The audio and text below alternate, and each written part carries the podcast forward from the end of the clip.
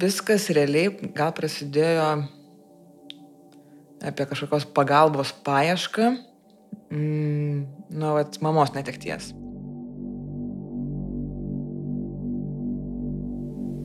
Palydėjau senelį laidojimo namus ir e, mano teta atėjo ir sako, o dabar Lina, e, eik išrink mamai karstą, suknelę, o mes einam su seneliu pašnekėt į kiemą.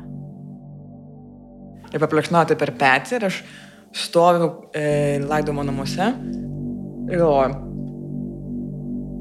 gerai, dabar mano tikslas yra mm, padaryti taip, kad mama labai norėjau, kad jinai gražiai atrodytų.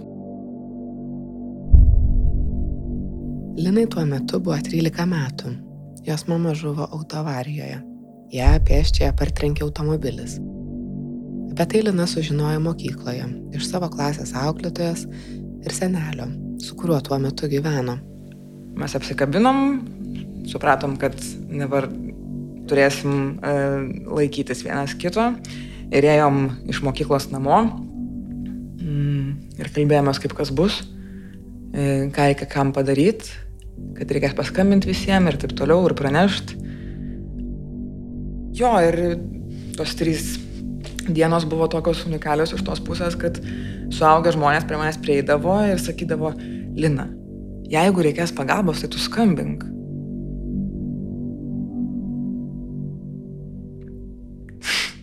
Gerai, ačiū, bet um, kaip man tai daryti? Paskambinti ir sakyti, labas, čia man nesiseka, tikriausiai, kad e, norėjosi, kad kažkas su manim apie tai pakalbėtų, kažkokią, tarkim, ten iniciatyvą parodytų ar panašiai, bet to nebuvo, visi nekalbėjo aplinkiniai. Niekas, nei iš giminių, nei iš, e, nei iš ten jos draugų nedrįso su manim kalbėti apie tai.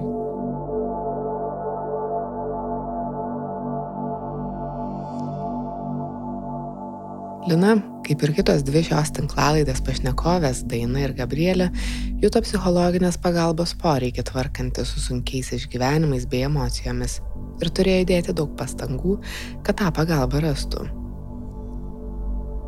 Tai manau, kad viskas prasidėjo labiausia nuo suvokimo, kad aš į kitus žmonės negaliu žiūrėti su džiaugsmu, kad aš pavydžiu, kad man pikta, kad aš nepatenkinta esu. Atrodo, tai ką viskas, tai tik tai tiek, tai čia ir baigiam, kad dabar aš turėsiu tokiam jausme visą laiką būti.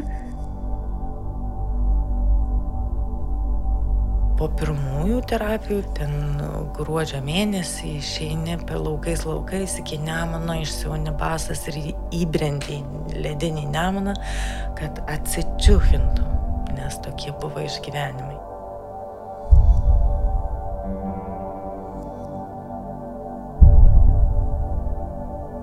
Mano vardas Berta Tilmantaitė, jūs klausote Nara tinklalaidės. Šiame epizode kalbėsime apie psichologinės pagalbos paieškas, kaip sunku kartais gali būti ją rasti ir kiek ta pagalba kainuoja, ne tik finansiškai.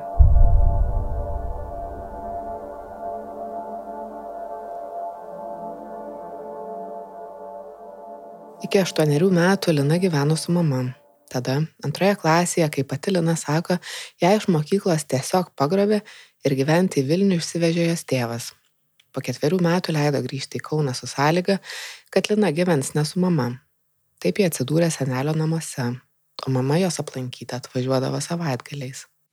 Tas mano gyvenimas tarp 8 ir 12, jisai nebuvo labai žmogiškas. Mm. Perdėm griežtas, perdėm uh, grubus, perdėm daug e, fizinio ir psichologinio smurto kas antrą, trečią dieną. Taip, ir tada tokia prieš prieš apie senelį, kur aš daug laisvės turėjau. Linai padėti išgyventi mamos netekti ir gedulą senelis negalėjo, nes pats praradęs dukrą turėjo tvarkyti su savo netektim. Ir jisai išgyvendavo ne kažkokią destrukciją ar panašiai, o jeigu tai būdavo žiemos sezonas, jisai savo kambarį būdavo jeigu tai būdavo pavasaris, vasarą jis eidavo į savo daržą ir sodindavo gėlės. E, aš nesijaučiau turinti supratimo, ką man veik daržė, dėl to aš jau pas dėdę. Linos dėdė buvo kunigas druskininkuose. Anot jos, tai buvo griežto charakterio žmogus, reiklus, įskiepėjęs jai pagrindinės vertybės. Lina keliaudavo pas dėdį autobusu ir po truputį pradėjo dalintis tuo, dėl ko pergyvena ir kas neramina. Aš mačiau tuos aplinkinius žmonės, e, kai pas jį eina, kai mm, yra kažkur pasimetę, pasiklydę, nežinantis, ką daryti, arba yra suklupę, negalintis atsistoti Dėl senatvės iš pareigų besitraukiančiam kunigui parapiečiai suorganizavo leidimą iš Vatikano aukoti mišę savo namuose. Tuomet Linos dėdė persikėlė į trijų kambarių butą, kuriame ir vykdavo mišios. Jeigu atvažiuodavau aplankyti, tai aš vis laiką žinau, kad rytas turi būti kur be, be garso. Ten jisai klausydavo ir iš pažinčių. Ir aš matydavau vat, žmonių pavyzdį ir tada kažkaip man net dviejonės nebuvo, kad aš negaliu nueiti.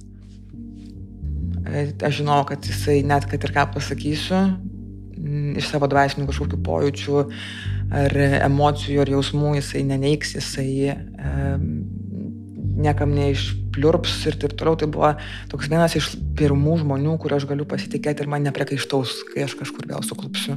Jis nesakys, va, tu ir vėl tai padarai. Taip saugiai labai jaučiausi su juo.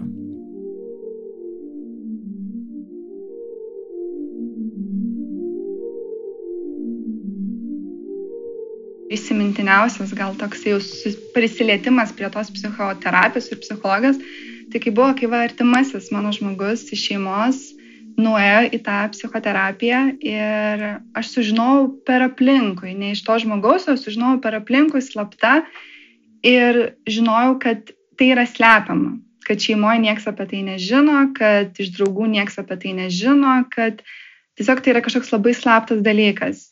Gabrieliai tuo metu buvo 14 metų ir nors pirmą kartą apie terapiją jis sužinojo neigiamame kontekste, jos tai neišgazdino. Priešingai, paskatino pasidomėti, kas tai yra iš tikrųjų. Man pirmosios ir mintis ir buvo, kad kodėl čia yra tokia gėda pasakyti, kodėl kažkas kaž čia yra negerai. Ir aš pradėjau mąstyti, o gal man pačiai irgi reikia, gal, gal aš pati irgi neturiu su kuo pasikalbėti, gal, gal aš negaliu papasakot tas, kas dedasi mano viduje, gal yra kažkas, kas galėtų su manim taip pasikalbėti. Ir tada pradėjau kokius gerus porą mėnesių kapstytis ir užsirašinėti dalykus, kuriuos norėčiau pasakyti ir kurių negaliu gal garsiai pasakyti aplinkai. Ir pasiskaičius suvokiau, kad nu, visai tokie sunkus, kažkokie nepasitikėjimai savim, uh, nepasitikėjimai ten kūnu, kaip visom turbūt paaugliam, kažkokie pykčiai su tėvais, nesutarimai su tėvais, tarpusavio santykiai. Gabrielė pasėmė tą užrašų knygutę ir sugalvojo nueiti pas šeimos gydytoją.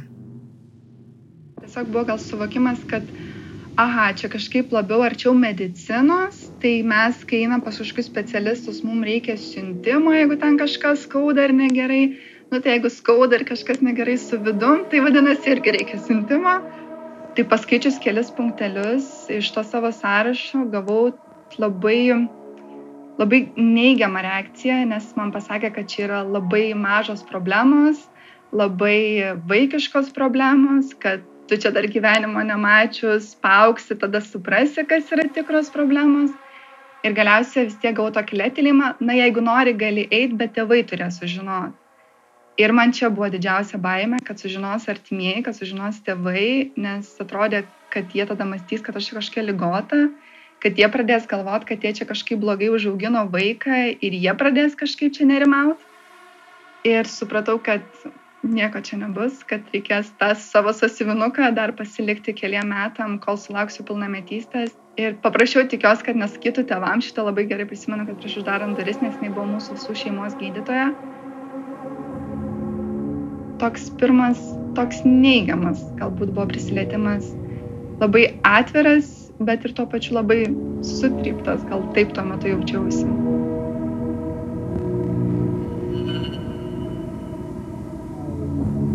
thank you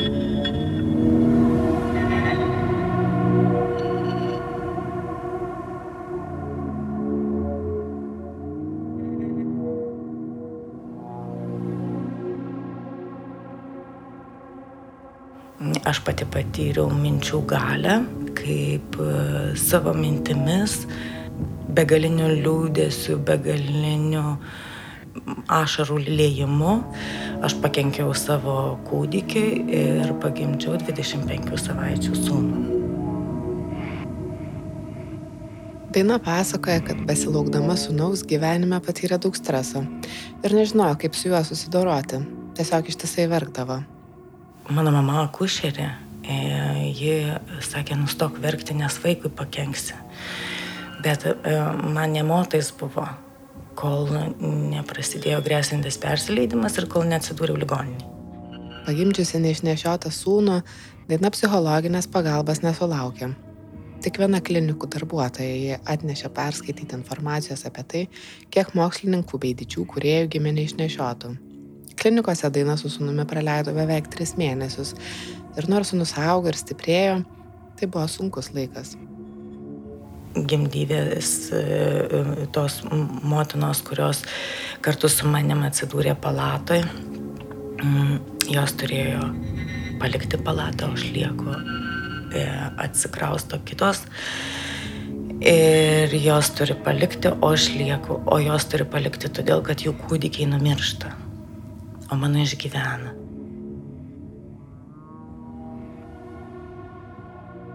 Po gimdymo praėjus trims metams Daina suvokė, kad visus juos pragyveno pati nesuprasdama, kokioj prastoj būkliai buvo jos psichikos veikata.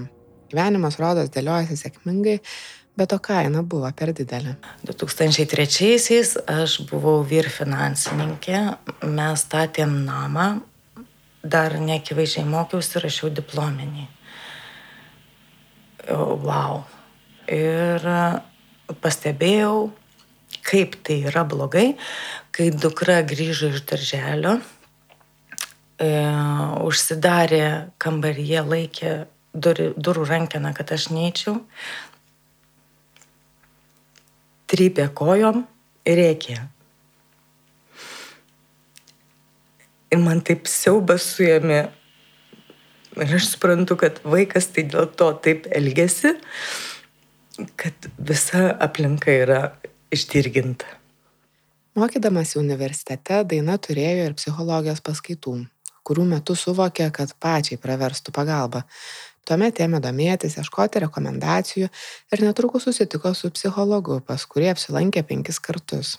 Tai buvo uh, trumpa uh, psichologinė pagalba, uh, kai užgesinau uh, didžiąją ugnį. Bet, uh, bet man labai reikšminga. Nors aplinkui apie psichologinę pagalbą niekas nekalbėjo ir stigma buvo gana didelė, dainos tai nestabdė. Mano atveju yra tai, kad mano charakteris yra drasus. Aš jau, e, nesvarbu, kad provincijoje augau, bet tarkim 16 metų E, nusiskutau plikai galvą iš ilgų plaukų. Ir e, ta drąsa mane lydėjo, ta prasme, charakteris toks.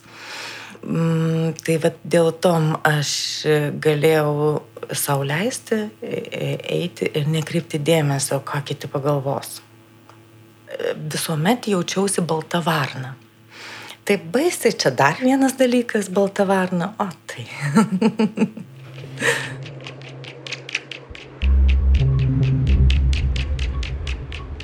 Lina mokykloje buvo įsitraukusi į įvairių veiklų organizavimą vaikams, augantiems socialiai pažeidžiamose šeimose. Todėl turėjo santykių su mokyklos socialinė darbuotoja ir psichologė. Tiesiog nuėjau pas psichologą, ten kažkokius klausimus apie renginius kalbėjom, ką čia kaip reikia daryti.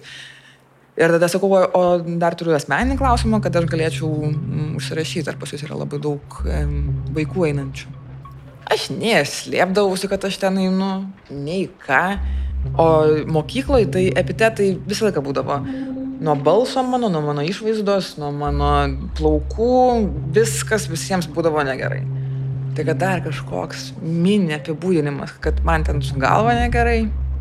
Kitas niuansas, aš žinau, kad man pačiai reikia tvarkytis su mano visom patirtim ir su mano gyvenimu ir kad niekas tas, kas komentuoja, nežino apie ką ir kaip kas yra.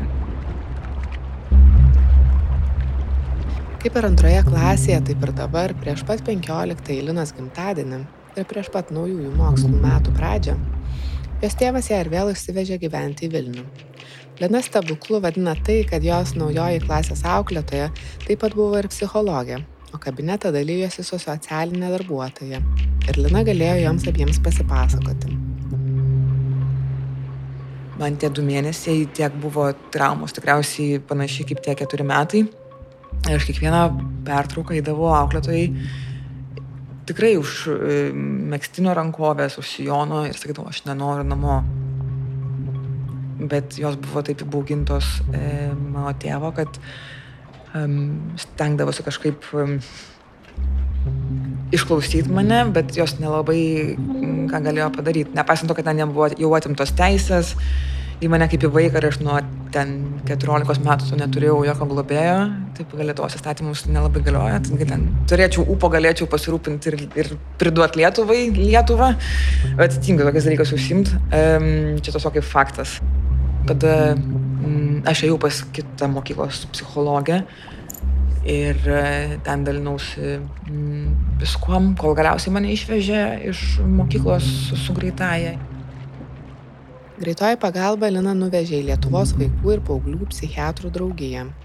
Vietos jai ten nebuvo, bet su Lina susitikę gydytojai vėliau užleido jai savo naktinių būdėjimų poilsio kambariuką, kuriame buvo sofa ir Lina galėjo ten pagyventi apie porą savaičių. Rudens atostogų metu Lina su seneliu ir teta savaitę išvažiavo į Kauną, aplankyti mamos kapą ir artimųjų. Po to viena autobusu grįžo pas tėvą į Vilnių. Pirmadienį prieš išeinant į mokyklą tėvas liepė gražinti knygas į biblioteką, pasimti dokumentus ir išsirašyti iš mokyklos. Jis susirinko pagrindinius daiktus, įsėdo į septintą troleibusą įstoti, sulaukė autobuso Vilnius Kaunas ir išvažiavo atgal pas senelį. Ir aš tada grįžus, atsimenu, pirmadienį sėdau į kambarį ir aš tiesiog žiūrėjau vieną tašką. Pač mane buvo tuščia siena kambarį ir tai galvojau, ir vėl viską reikia iš naujo pradėti. Ir vėl tik už save. Ir tada prasidėjo jau gal mano toks ne tik mokyklos e, psichologė, bet ir ten jau pas savo poliklinikos gydytoją pasakiau, kad man tiesiog reikia tas ir anas ir aš niekada nekirdavau niekam aplinkinių, kad kaip man, aplinkiniam, kaip man čia viskas blogai, aš eidavau pas specialistus. Gabrielė išvažiavo studijuoti į Kauną, pakeitus aplinką nebuvo lengva. Studijos, atsiskirimas nuo šeimos, draugų trūkumas ir vienatvė kelia stresą ir nerimą. Tiesiog buvo labai daug negativumo viduje. Pati apie save mačiau labai negatyviai, daug pykčių buvo su aplinka, daug liūdnų minčių buvo pajaučiau, kad kitų žmonių laimė, kitų žmonių pasitikėjimas mane pykdo ir erzina. Tiesiog aš mačiau gal kitus žmonės, kad jie negyvena taip kaip aš. Jie ir džiaugiasi, ir pasitikė, ir yra laimingi. Ir va to trūkumas, tiesiog ieškojimas išeičių, gal kaip išlipti iš to jausmo, kuris yra viduje, tas tikėjimas, kad gal galima jaustis kitaip, negu aš tuo metu jaučiausi tas turbūt labiausia buvo motivuojantis ir bandantis kažką keisti, keisti savyje. Tai, o psichoterapija atrodė kaip gal išeitis, kaip kažkoks vienas iš būdų, kuris galėtų padėti. Gabrielė nusprendė susirasti psichologą universitete. Ir taip sakant, atvira širdim ir atviro mintim pabandžiau bet nesigavo ir man ir tada, nes atėjus irgi gal pirmiausia pradėjau šnekėti labiau gal apie save pačią, kas mane pačią neramina. Ir gavau pirmiausia replikas, kad reikia kalbėti čia apie universitetą ir čia yra universiteto psichologas ir čia universitetinės problemos sprendžiamos. Ir dar prisimenu, aš tada bandžiau dar aiškinti ir sakyti, bet tai yra viskas susiję. Nebus geras universiteto patirtis, nebus geras mokslas, jeigu man pačiai bus blogai viduje. Bet prisimenu tiesiog, kad iškalbėjom tas 45 minutės, man pasakė ačiū, laikas baigėsi, viso gero. Ir toks irgi išėjau tokiam nusvirusiam rankom, galvoju, nu jis rimtai ir negi vėl, vėl iš naujo, vėl tas pats, vėl problemos per prastos.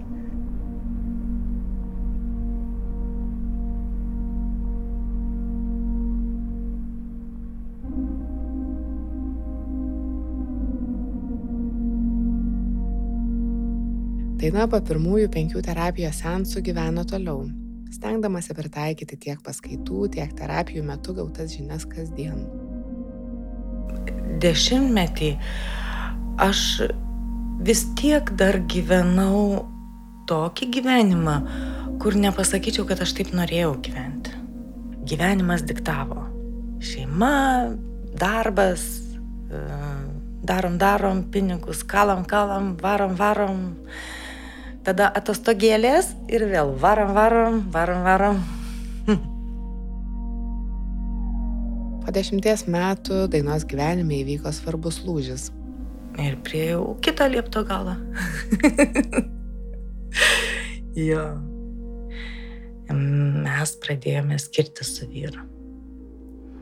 E, tai buvo e, stiprus skirtis visai šeimai vaikai, e, paaugliai, jaunuoliai 14 e, ir 17 metų.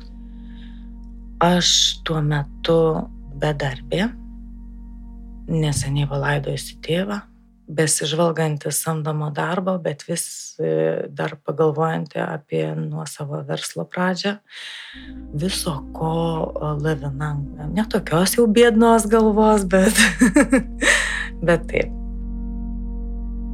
Dar kitas niuansas buvo mano vaikai.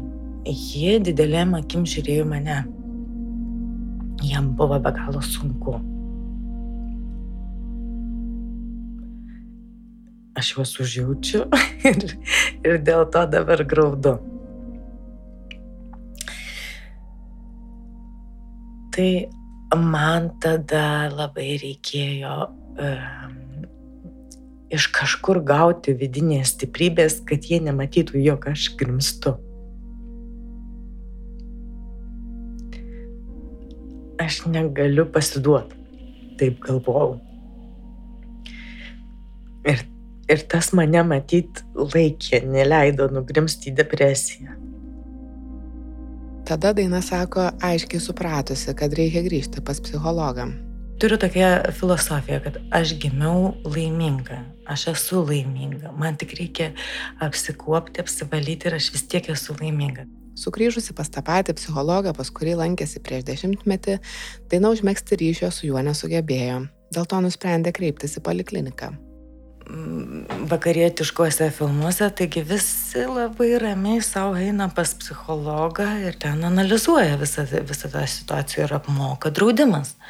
Tai va ir aš pagalvojau, kad mano draudimas man apmokės. Poliklinikoje e, su psichologė išsiverkiau. Gražiai, gerai išsiverkiau. Bet manęs tas netenkino. Grįžus gyventi pas senelį, Linos gyvenime toliau viena po kitos ištiko netektys. Prie 15 pastarųjų metų Lina turėjo suorganizuoti 19 laidotuvių.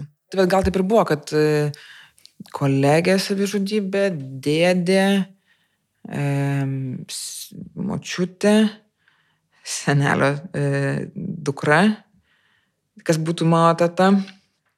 Ir paskui baigiau su seneliu. E, bet nebereikalo buvau gavus laidojimo namų e, nuolaidų kortelę. Tempas buvo neblogas tikrai. 2009-aisiais Lina atvyko studijuoti į Vilnių po kurio laiko pas ją iš kauno atsikraustė ir senelis su kuriuo lina sako jie buvo gana tvirtas kumštis. Pagal rekomendacijas lina vilniuje rado psichoterapeutę pas kurią pradėjo lankytis ir su kuria dirba ligi šiol kartą į savaitę susitikdamos ar susiskambindamos. Labai ilgai dirbam vis dar yra einamasis procesas nors um, tam tikrais gyvenimo sunkiais labai etapais irgi buvo, taip sakyčiau, išmušę skaitliukus, tai reikėjo ir, ir stacionaro, poliklinikos.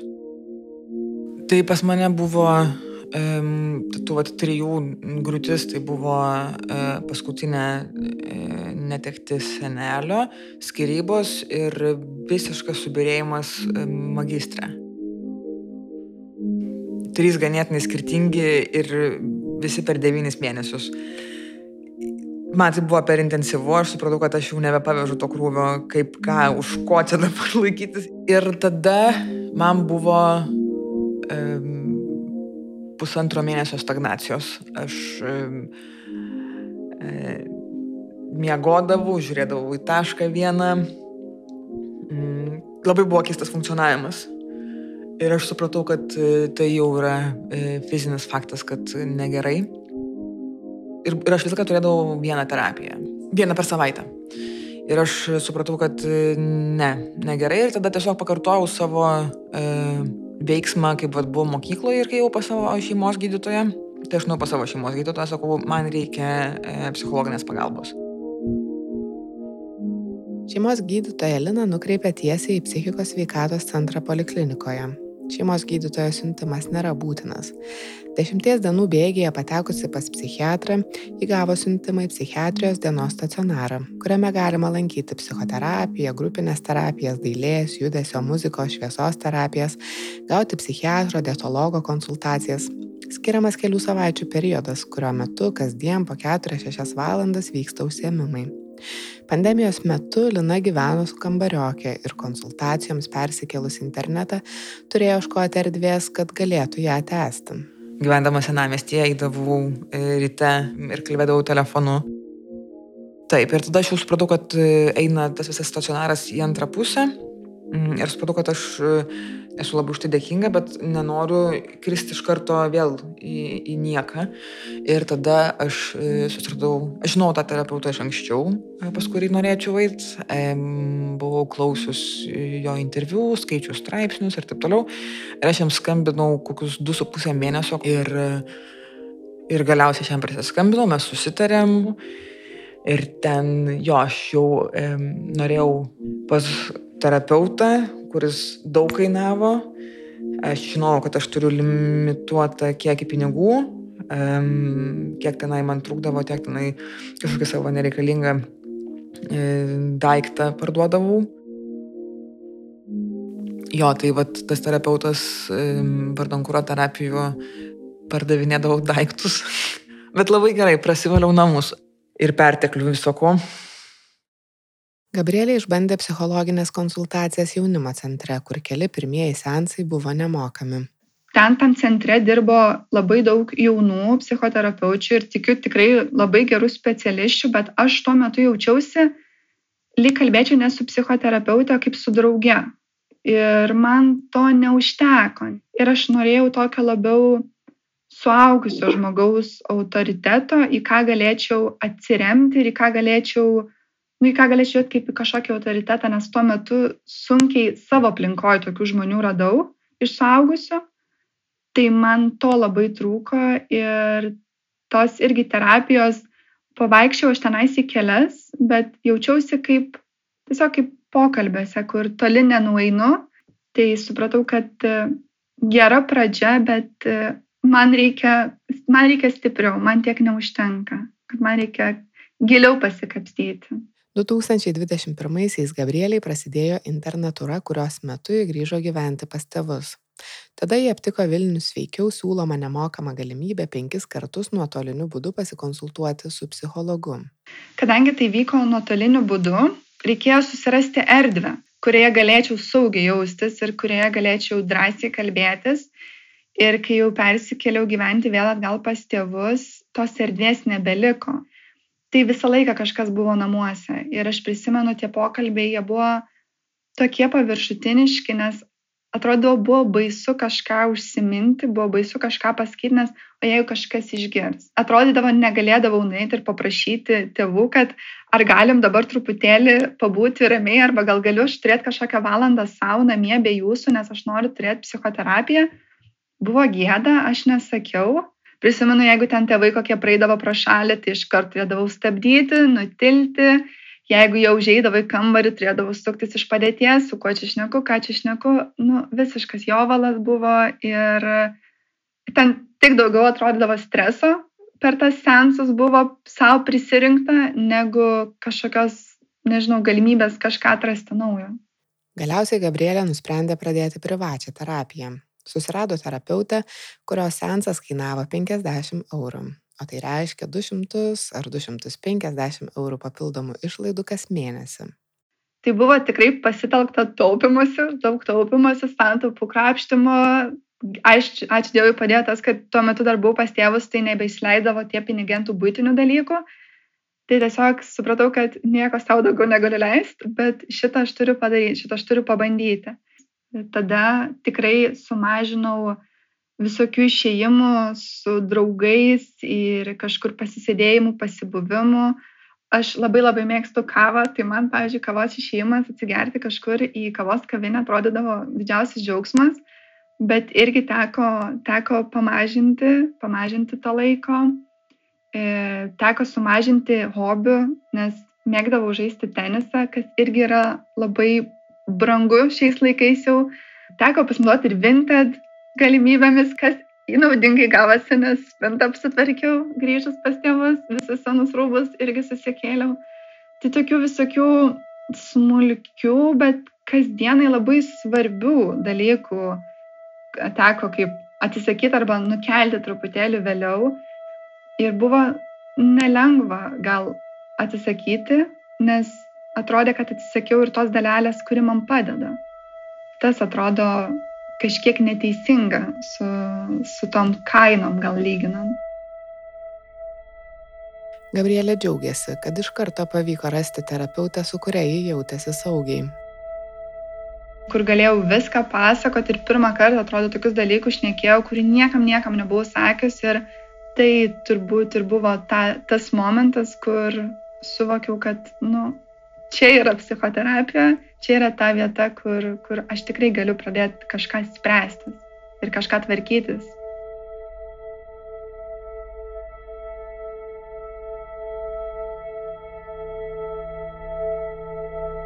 Besiklausydama radio laidų apie psichologiją, Daina nusprendė susisiekti su ten išgirsta psichoterapeute. Parašiau jai laišką, e, akis ant kaktos iššoko įkainiai, aš gyvenu Alituje, ji Vilniuje, galima dar per Skype, bet vis tiek įkainiai nemaži, gavo, ai tiek to. Vėliau Daina parašė elektroninį laišką kitam psichologui, bet atsakymo negavo. Ir vėl aš metus pratempiau be nieko. Visą tą laiką Daina taupė pinigus ir toliau bandė susisiekti su išsirinktų psichologu, kol pagaliau pavyko. Mano tai prioritetas buvo toks, kad e, psichologiniai terapijai, man atrodė, tai yra svarbiau po maisto, po duonos, kaip sviestas. Aš sunkiai plėšiau tas lėšas iš, iš savo kišenės, bet tada jau ėjau iki galo, kol įsiprašiau į terapijas. Kiekvieną penktadienį daina išeidavo iš darbo anksčiau ir į terapiją iš Alitaus važiuodavo į Vilnių. Po pirmųjų terapijų tai man reikėjo mm, dienos dviejų atsigavimui. Iškia viena būdavo taip, kad nepakeliu būti namuose. Ten gruodžio mėnesį išeini per laukais laukais iki Nemono, išsiauni basas ir įbrendi ledinį Nemoną, kad atsičiuhintum. Nes tokie buvo išgyvenimai. Ir tada grįžti atgal į savo e, aplinką ir bandai gyventi toliau. Po beveik pusmečio trukusios terapijos daina nebepajėgė jas tęsti dėl finansų. Santaupos baigėsi, o pinigų reikėjo Vilniuje studijuojančiai dukrai ir naujai pradėtam dainos verslui. Žodžiu, viskas taip susiklostė, kad aš nusprendžiau, kad man jau gana terapijos. Joje aš gerokai padirbėjau su gaisrais ir šiek tiek užkabinau asmeninės psichinės veikatos. Dabar labai aiškiai matau, kad aš turiu begalę visokiausių. Ir reiškia mąstymo klaidų. Mąstymo klaidų. Jums reikia keisti mąstymą ir viskas vėl kaip sviestu.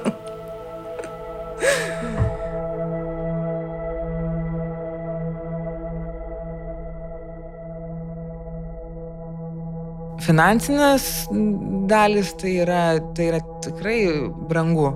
pasiskirstimas realiai yra taip, kaip, tarkim, ten planuojant finansus, kad komunalinės paslaugos ir tada pirmas dalykas yra, kad terapija per mėnesį. Pasižiūrė, kiek mėnesį yra savaičių. Keturios, penkios, keturios biški lengviau, penkios jau beršimės labiau diržus. Ir tada ten žiūri visus maistus ir visą kitą. Aš tai stačiau visą laiką prioritetą e, terapiją. Ir tas kiekvienas pavedimas, tai, tai taip. Bet vėlgi, tiek, kiek kainuoja, jeigu tu pats dirbi, nes vėlgi neterapeutų reikia. Ir tiesiog susimoky tos pinigus, duok dievę gauni kiek įmanoma e, labiausiai profesionalią pagalbą. Ir, e, ir tada vienu laikrodžiu mažiau stalčiuje. Tai stalčius tai džiaugsis, dušė irgi džiaugsis ir nieko. Kai save jis net į prioritetą, savo poreikį, ne įvaizdinį kažkokį, o, o savo šypsnio veidę, mm, savo dušios palengvėjimą, už šiukšlius išvežimą mokam. Mokam. Tai čia taip pat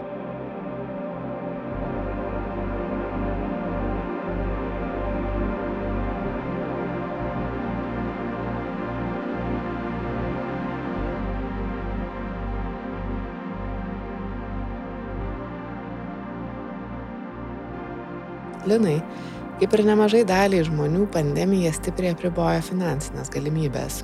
Neturėdama jokių santaupų, jį ieškojo būdų leisiančių nenutraukti terapijos. Ir aš tada priėmiau sprendimą, kad yra senelio namai Kaune. Ten toks namelis, kuris nešylytas jau buvo tris metus. Čia buvo ankstyvas balandis. Ir aš išnuomavau šitą erdvę Vilniui ir važiavau gyventi į Kauną. Ten unikalu, kai apie šildymą tai net ten svajonės nėra.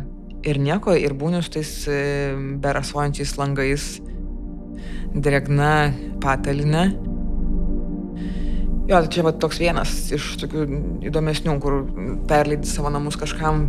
E, kad e, pačiam susiprastinti išlaidas ir e, tada skirti terapijai arba ten kažkokių savo daiktų mm, išpardavimui. Realiai nuo abiejų nebuvo blogiau. O visą tai, kas konvertavosi į pinigus, tai buvo išleista e, e susimokėjimų iš terapiją ir e, žinioms apie save.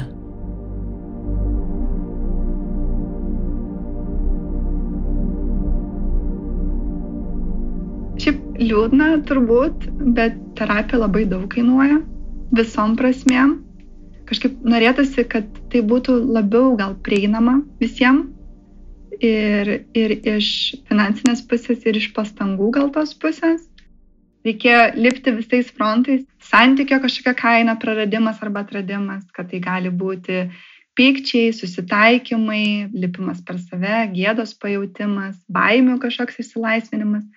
Tai gal dėl to ir gavosi brangiai, bet, bet labai, labai, labai naudingai. Prisimenu, buvo pavasaris ir aš prisimenu, išėjau po psichoterapijos ir aš nuėjau į teismepą pasimti kavos, pasilepinti savo kitų psichoterapijos būdu. Ir tenais yra vaikų žaidimų aikštelės. Ir aš pamačiau kokius kelis vaikus, tėvus, jie visi plepėjo, džiaugiasi vienas kitu. Ir aš tiesiog prisimenu, kad aš sėdėjau, aš nieko negalvojau, tiesiog šipsojus ir juos žiūrėjau ir galvojau, va taip, aš noriu va taip, aš noriu tokio jausmo, tos vidinės ramybės. Bet nuo to momento sugebėjau ir į savo draugę žiūrėti su didžiulė meile. Atrodo, kad va, dabar, dabar jau galim žingsniuoti, bazė yra, pagrindas yra, dabar galim žingsniuoti ir auginti, auginti save toliau.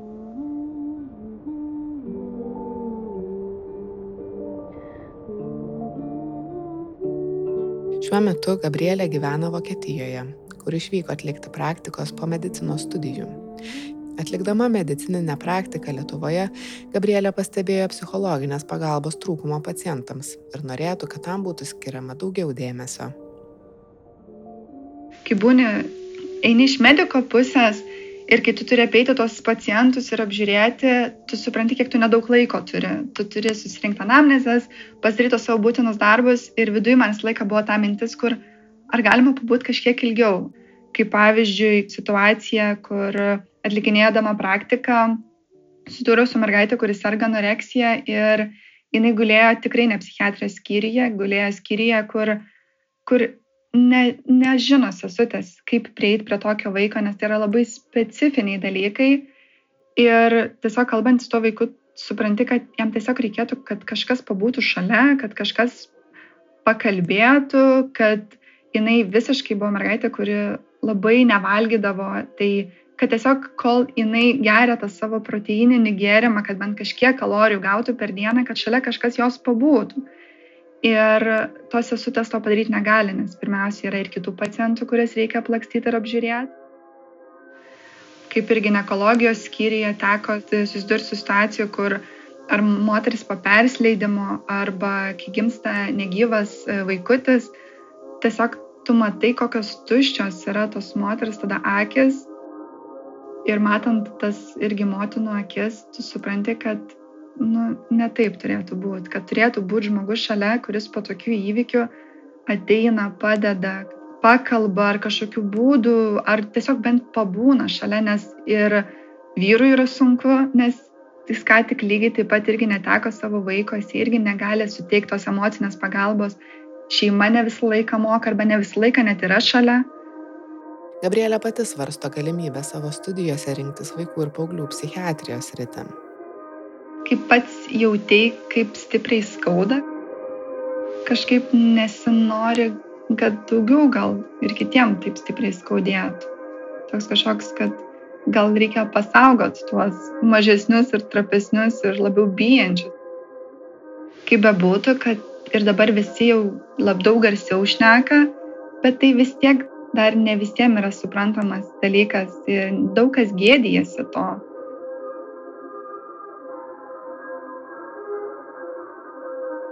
Nutraukusi terapiją, daina savo savijautą rūpinosi pati. Keitė gyvenimo būdą, sportavo, sėkmingai kūrė verslą.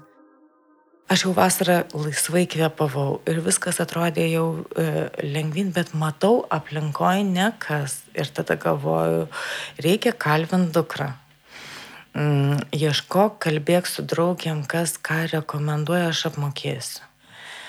Ir po kurio laiko tą patį e, pradėjau galvoti apie sūnų. Pripažinti tai, kad vaikams irgi reikia psichologinės pagalbos, Dainai nebuvo lengva, nes tai reiškia ir savo padarytų klaidų pripažinimą. Tie tėvai, kurie turi neigiamą požiūrį į psichologus, ir jų yra nemažai, jiems labai sudėtinga, kai jų vaikai kreipiasi viena. Tai yra jų aplinkoje kaip ir kažkoks pažeminimas. Tai kas čia pas mus įvyko, tai kad čia vaikas psichas, e, e, tai vienas aspektas. Antras, daug reiškia dabar kalbama, kad mes vaikystėje patyrėme tam tikrų traumų, jas reikia sužinoti, iškelti, išgyventi ir su jom sustvarkyti, kad toliau leistų lengvai kvepuoti. Ir vaikystė tai yra tėvai. Ir tai, ką mano vaikai išgyveno, o jei kaip man gėda, nes tai mano pridirbti reikalai, aš atsakinga už tai. Ne, tai aš puikiausiai suprantu, kaip tai yra baisu. E, leisti vaikui kalbėti apie tai, ką aš pridirbu. O kadangi aš tai suvokiau, supratau, tai pavyzdžiui, sūnui prieš pradedant terapiją, nu ir dukrai turbūt irgi kartojau, kad jūs būtinai kalbėkit, net jeigu man niekis nenorit pasakyti, ką aš jums pridirbau, kalbėkit, netylėkit, iškelkit, nes tai jums padės išsikapstyti. Kai mes kalbame su vaikais, dabar jau galime ramiai viens kitam įvardinti. Ir paaiškėja, kad aš, pavyzdžiui, galvoju, kad toje vietoje aš sužeidžiau, o jie man sako, neatsimenu. Aš vat kitą atsimenu. Ir visai kiti dalykai.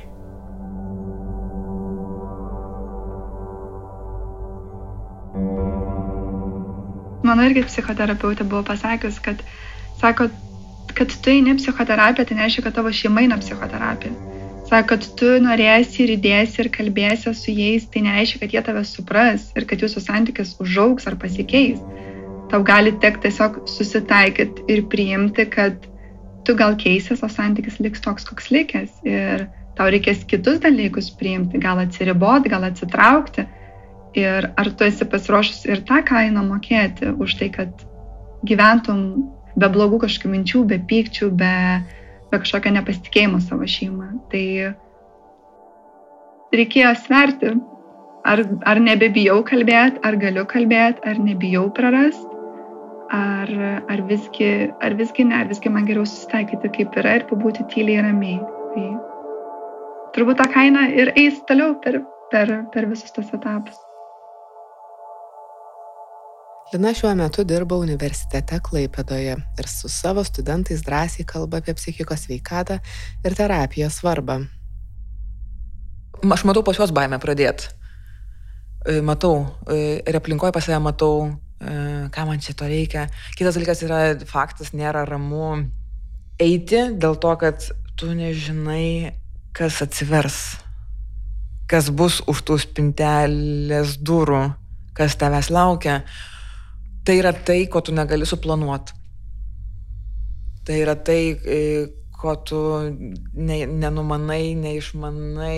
Ir tai yra normalu, kad tu neišmanai ir kad tu nežinai. Ir tu kartais būna tokios situacijos, kur tu gali galvoti, kad e, tik tais vienas būdas yra, bet visą laiką yra mažiausiai du būdai.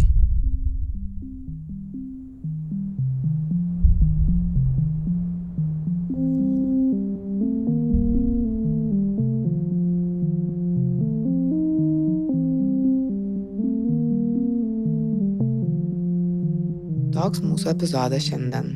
Ačiū visoms pašnekovėms sutikusiams pasidalinti savo istorijomis ir ačiū Jums, kad jų klausėte. Epizodo ir fotografijų autorė esu aš, Berta Tilmantaitė. Epizodo montažo redaktorius ir režisierius Adomas Zubė. Iliustracijos autorė Ula Rugevičiūtė Rugytė. Iliustraciją ir fotografijas galite rasti mūsų internetinėje svetainėje nara.lt. Ten šalia šio epizodo publikuojame ir tekstą pasakojantį apie psichikos sveikatos situaciją Lietuvoje. Jei jaučiate, kad jums ar jūsų artimiesiems reikia pagalbos, daugiau informacijos galite rasti šioje publikacijoje.